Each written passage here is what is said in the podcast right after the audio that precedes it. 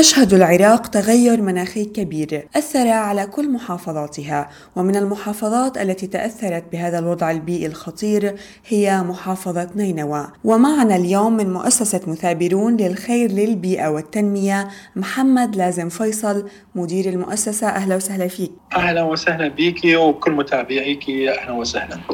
حابين تعرفنا أكثر عن عمل المؤسسة لو سمحت. إحنا مؤسسة مثابرون للخير البيئة والتنمية مؤسسة محلية. غير حكومية آه، نشتغل كمجموعة شباب من مدينة الموصل مهتمين بالمواضيع البيئية ومناصرة القضايا البيئية وعلى المشاريع البيئية آه، سواء كانت بمنح دولية أو بمنح محلية أو بجهود شخصية من قبل مجموعة الشباب في مدينة الموصل. اشتغلنا على عدة مجالات من ضمنها مناصرة مياه نهر دجلة مناصرة القضايا قضية التصحر مشكلة التلوث إعادة الحياة ما بعد معركة تحرير الموصل لمدينة الموصل خصوصا على الجوانب البيئية آه، كما يعرف الجميع أن مدينة الموصل تعرضت إلى دمار كبير. هذا الدمار آه، نتج عنه إنه كثير من التلوثات التلوث الخاص بالبيئة آه، كانقاض كجثث ك تدهور الزراعة كانعدام قلة الغابات مشكلة التصحر كل هذه المشاكل اشتغلنا عليها كمؤسسة وحاليا في طور نشتغل على مواضيع جديدة ومواضيع مستمرين بنفس المواضيع القديمة. حلو. وبالنسبة ل يعني بنعرف الموصل ومحافظة نينوى تعاني من عدة مشاكل بيئية. ولكن من أكثر المشاكل حاليا اللي عم يتم الحديث عنها هو نهر دجلة. تحدثنا أكثر عن هذا الموضوع إن كان من جفاف أو من تلوث عم يتعرض له نهر دجلة. نهر دجلة هو شق محافظة نينوى ومدينة الموصل إلى شقين فهو يدخل بداخل فهو كان يشكل منبع الحياة الأساسية لمدينة الموصل.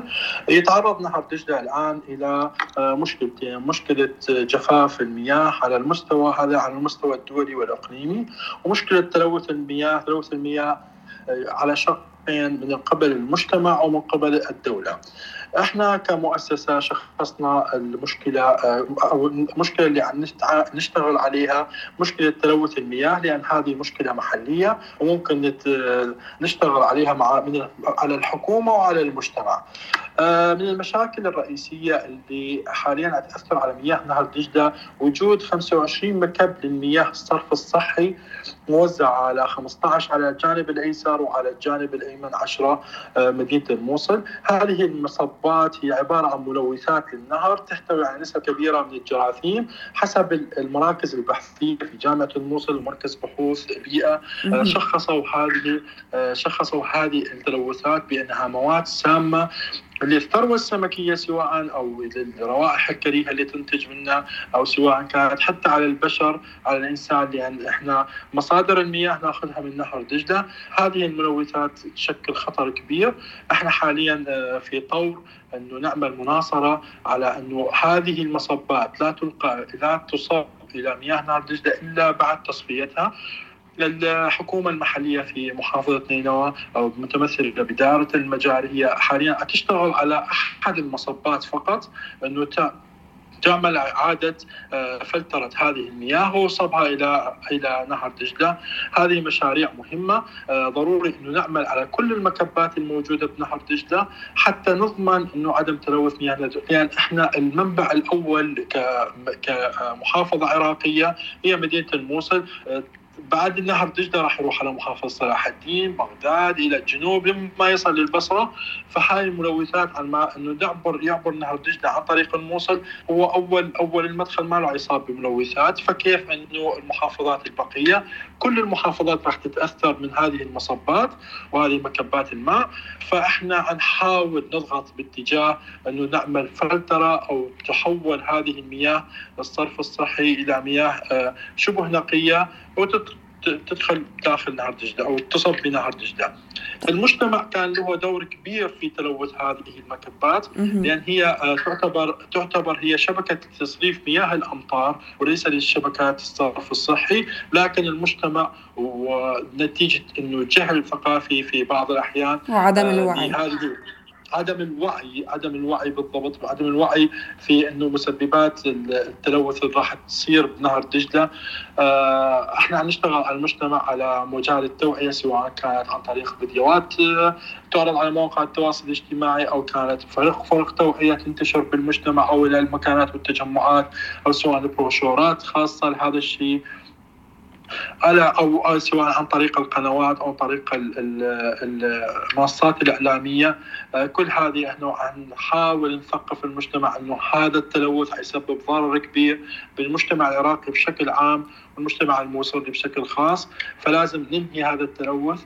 أو نحافظ على المياه نهر دجله من قبل المجتمع ونضغط باتجاه تفعيل القوانين وتفعيل القوانين خصوصا قانون اللي هو قانون 27 سنة 2009 اللي هذا بعض بنوده تنص على عدم تلوث المياه. يعني فعلا للأسف عم يكون دور للأفراد والمجتمع دائما هذا ما يسمى بالتدهور البيئي هو تدخل الإنسان بالبيئة والعمل على تلويث المياه أو الهواء أو أمور أخرى. ففيك تحدثنا أكثر يعني عن دور مؤسسات المجتمع المدني المحلي وأيضا المؤسسات الدولية بخصوص الحد من هذه المشاكل ونشر الوعي أكثر في المجتمع لأخذ دور فعال للحد من التدهور البيئي الموجود في العراق حاليا؟ آه، دور المنظمات المحلية خصوصا في مدينة الموصل هو دور فعال جدا. يعني بعد تحرير مدينة الموصل أنتجت آه، الأزمات أنتجت الأزمة آه، مجموعة مجموعات شبابية تشكلت مؤسسات محلية بدأت تشتغل على كثير قضايا من ضمن القضايا اللي عم تشتغل عليها ابرزها أنه البيئة مجال البيئة ومجال التلوث حيكون عملها تثقيف المجتمع وزيادة الوعي لديها لدى المجتمع. آه هذه المؤسسات دورها في المناصرة. آه المؤسسات تشكل عبارة عن مجموعات آه على مواضيع معينة في تشكيل ضغط ضغط آه منظم من قبل على الحكومة في سبيل انه تحافظ على البيئة، إحنا حنحاول حاليا آه، اشتغلنا على مشروع مناصرة قضية التصحر. كان لها نتائج كلش إيجابية، كانت مشاركة معنا المنظمات المحلية بكل بكل أصنافها سواء حتى لو ما كانت اختصاصها بيئية، لكن كانت مشاركة معنا في المناصرة. المشكلة الثانية اللي عم نشتغل حاليا عليها مشكلة متلوث المياه نهر دجله وهم نفس الوقت مشاركة مع المؤسسات المحلية. طبعا الدعم يجينا عن طريق آه، المؤسسات الدولية والمنظمات والوكالات الدولية من الناحيه الدوليه تساعدنا في تنفيذ هذه المشاريع وتنفيذ مشاريع المناصرة. جدا مهمة لفت انتباه الحكومة ولفت انتباه المجتمع في الخطر البيئي اللي حيصير على المجتمع العراقي اللي هو اللي آه، أساسا ما واعيين عليه، إحنا العراق هو موقع على اتفاقية باريس سنة 2015 هذه الاتفاقية تضمن في حق إنه أكو لازم تطبق آه، قوانين وبنود ومشاريع خاصة على المجال البيئي في صب على مثل مثل زيادة عدد الإشجار أو زيادة نسبة المساحات الخضراء أو دعم دعم المؤسسات الدولة بشكل كامل على المجالات البيئية. تشكيل مجلس استشاري آه، بيئي في كل محافظة. أن هذا المجلس الاستشاري بدأ يرى النور في محافظة نينوى عن طريق هذه المناصرات. بدأت أن يتفعل دوره من سنة 2009 من تفعل القانون لحد 2022 هو ما تشكل هذا المجلس. هذه السنة الأولى وهذا الشهر الأول لتشكيل هذا المجلس راح يكون له دور فعال معنا كمنظمات عقدنا اجتماعات معاهم وحاليا هم متعاونين في على على نسبة الخطر. إحنا كنشتغل على مجال المجتمع وهم راح يشتغلون على مجال الحكومة. فراح يصير مثل شبكة شبكة تواصل بيناتنا. على هذا الخصوص. ضروري جدا تعاون المنظمات والمؤسسات المحلية فيما بعد فيما بينها حتى تشخيص المشكلة وصب الجهود على موضوع التلوث البيئي. محمد لازم فيصل مدير مؤسسة مثابرون للخير للبيئة والتنمية. شكرا جزيلا لك. شكرا لك وشكرا لمتابعيك وربي يحفظكم.